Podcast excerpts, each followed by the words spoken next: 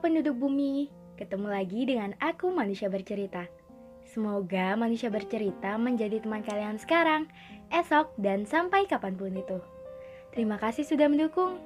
Dan untuk kalian yang ingin berbagi cerita, manusia bercerita siap menjadi wadah. Untuk kalian yang ingin membuat podcast, kalian bisa memakai aplikasi Anchor aplikasi yang mempermudah kalian untuk membuat podcast dan aplikasi ternyaman untuk menjadi rumah podcast cerita dan kisah. Jadi, bagaimana hari ini? Bagaimana kabar kalian? Ada cerita apa hari ini? Untuk kalian yang sedang sakit, semoga segera sembuh. Untuk kalian yang bingung, semoga gak bingung lagi.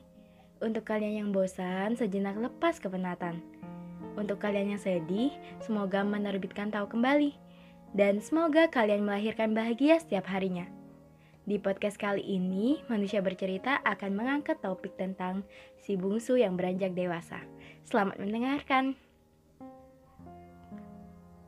September tahun ini umurku 21 tahun. Dulu waktu kecil, menjadi anak bungsu adalah kebahagiaan. Aku anak ketiga dari tiga bersaudara. Kakak pertamaku cewek, kakak keduaku cowok, dan aku cewek anak terakhir. Dulu sebagai anak bungsu, aku merasa bersyukur banget punya kakak-kakak yang baik dan suka memanjakan adiknya.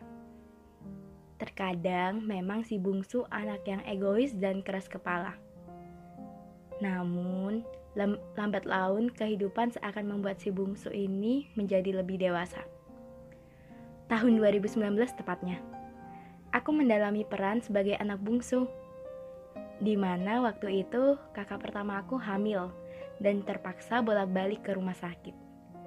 Aku yang sama sekali tidak mengenal dunia rumah sakit, mau gak mau harus kenal. Kebetulan waktu itu bapak sibuk mengajar dan merawat ibuku.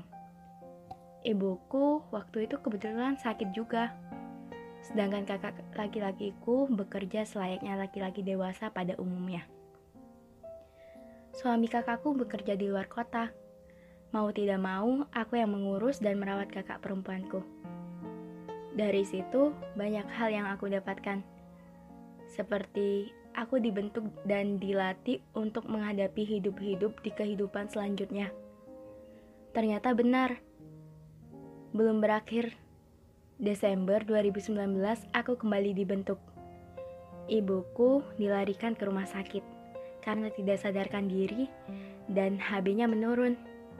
Di waktu yang sama, mbakku juga dilarikan ke rumah sakit karena tidak sadarkan diri dan tekanan darahnya naik. Waktu itu kondisinya hamil. Aku ingat betul, saat itu kamar ibuku di timur dan mbakku di barat. Aku bagi tugas. Bapak dan masku menjaga ibu dan aku menjaga mbak. Waktu itu, aku menyebut mereka pasien-pasien nakal dan aku anak bungsu yang harus menjaga mereka. Beruntungnya saat itu liburan kuliah. Sebelumnya, aku belum pernah berada di posisi ini dan jujur aku kewalahan. Hari ke hari, kondisi mereka membaik. Aku berharap akhir tahun 2019 akan ada tahun baru yang lebih menyenangkan. Lanjut cerita, tahun berganti dan tahun 2020 datang. Sayang, awal tahun aku sudah mendapatkan ujian lagi. Saat itu, aku balik untuk merantau karena waktu liburanku berakhir. Sebelum aku pamit, ibu mengelus kepalaku dengan lembut. Ibu meminta maaf dan mengucapkan terima kasih sudah merawat untuk terakhir kalinya. Aku saat itu menganggap ibu hanya bergurau dan ngelantur. Kemudian, aku memeluknya. Dan entah mengapa, ada perasaan berat untuk meninggalkan ibu. Tapi, lagi-lagi ibu bilang seperti ini. Ibu baik-baik saja. Ibu khawatir jangan kamu. Semisal nanti ibu dipanggil sama Allah, kamu dengan siapa? Lalu, di situ aku sangat takut dan bahkan enggan berangkat. Tapi ibu tetap saja menyuruh aku untuk mengejar impian yang sedang aku jalani. Ibu bilang, itu kan doa-doamu di hari-hari yang lalu, kamu harus jalani ya. Sehari setelah di kota rantau, aku mendapatkan kabar. Ibu dilarikan ke rumah sakit tanggal 4 Januari. Kali ini sakitnya agak parah aku memutuskan untuk pulang.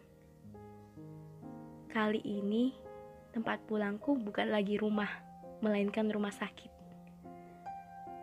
Ibu tergeletak lemah, tidak berdaya. Bahkan sudah agak lupa dengan aku.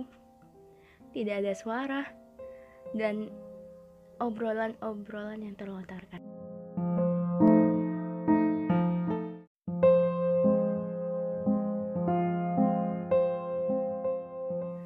Minggu ke minggu, kondisi ibu semakin menurun. Begitu pula mbakku. Mbakku juga masuk rumah sakit untuk kesekian kalinya, menjelang hari kelahirannya. Januari berakhir, peranku sebagai si bungsu juga kembali diuji. Aku meninggalkan kuliahku waktu itu untuk menemani bapak yang menjaga ibu dan mbak. Saat itu, aku merasakan arti kekeluargaan. Lorong rumah sakit menjadi bukti kehangatan kekeluargaan hadir. Aku kira Februari semuanya bakalan baik-baik saja. Rupanya tidak. Pada tanggal 4 Februari, ibuku berpulang pada keabadian. Tanggal 8 Februari, bayi dari rahim mbakku telah terlahir ke dunia dan 13 Februari mbakku meninggalkan dunia. Dunia kami seakan hancur. Semua warna berubah menjadi abu-abu. Sekarang yang tersisa bapak, aku, dan masku. Aku ingat betul saat mbakku meninggal, bapak memelukku dengan tangisan yang aku sendiri gak sanggup melihatnya. Dengan terbata-bata, bapak bilang gini, sekarang perempuan di rumah tinggal kamu. Kamu harus jaga kesehatan. Sebagai anak terakhir, kamu harus menyelesaikan kuliahmu dan mengejar impianmu. Anak bapak yang belum selesai cuma kamu. Doakan bapak sehat selalu, sebab bapak masih punya tanggung jawab untuk membuat kamu berhasil. Sekalipun ibu dan mbak sudah meninggal, kamu harus kuat dan tegar. Setelah mendengar perkataan bapakku, aku menyadari, sebagai anak bungsu, aku harus siap melewati kenyataan yang pahit sekalipun. Saat itu, tangisanku pecah dalam hangat pelukan bapakku. Dalam hati, aku meminta agar Allah senantiasa memberi kesehatan agar bapakku bisa melihatku menjadi anak perempuan bungsu yang mampu membuatnya bangga. Ya, sekarang aku menjadi anak bungsu yang harus merawat tiga laki-laki di rumah, yaitu bapak, emas, dan ponakan anak mbakku yang terlahir. Sebagai anak bungsu, aku seakan harus segera membangun tameng kekuatan untuk hidup-hidup yang akan datang. Jujur, aku tidak pernah membayangkan posisi di masa lalu. Di bayanganku, saat itu hanya ada kata bahagia sebagai anak bungsu. Ternyata sudah cukup. Peranku sebagai anak bungsu yang manja sudah selesai. Sekarang, peranku berubah menjadi anak bungsu yang dibentuk dewasa dari rangkaian-rangkaian permasalahan. Bapakku semakin bertambah tua rasa kekhawatiranku semakin bertambah. Tiap aku berdoa, aku tidak minta yang macam-macam. Aku hanya minta diberikan pundak yang kuat untuk menghadapi berbagai ujian yang akan datang. Minta umur panjang dan barokah untuk bapakku. Yang namanya perpisahan pasti tidak akan baik-baik saja. Terlebih kenangan itu sampai sekarang masih ada. Di ruang tamu terpajang foto wisuda sepaku mbakku. Keluarga pun masih lengkap. Begitu pula waktu wisuda masku. Semuanya masih lengkap. Dulu aku pernah membayangkan betapa bahagia saat wisudaku nanti keluargaku datang dengan lengkap beserta anak mbakku yang menggemaskan. Tapi rupanya tidak. Mungkin sebagai anak bungsu, kita harus lebih kuat dari anak sulung. Sebab menurut mereka, kita adalah anak yang manja yang belum siap dewasa. Tapi menurut kehidupan, terkadang kita akan dipaksa dewasa oleh berbagai masalah yang akan mendewasakan. Sebagai anak bungsu pula, kita harus siap menerima kehilangan-kehilangan yang niscaya akan datang seiring berjalannya waktu. Pesanku kepada anak bungsu, kalian adalah salah satu harapan terakhir keluarga.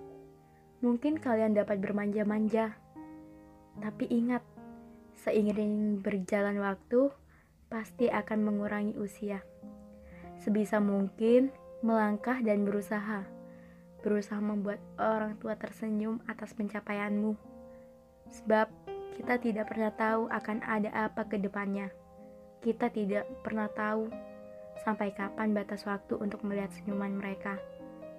Kuatkan pundak untuk memikul beban dan menghadapi kerasnya kehidupan. Peranmu sebagai anak bungsu yang manja telah selesai. Sekian podcast dari Manusia Bercerita. Semoga kita bisa ketemu di lain waktu. Salam hangat, manusia bercerita. thank you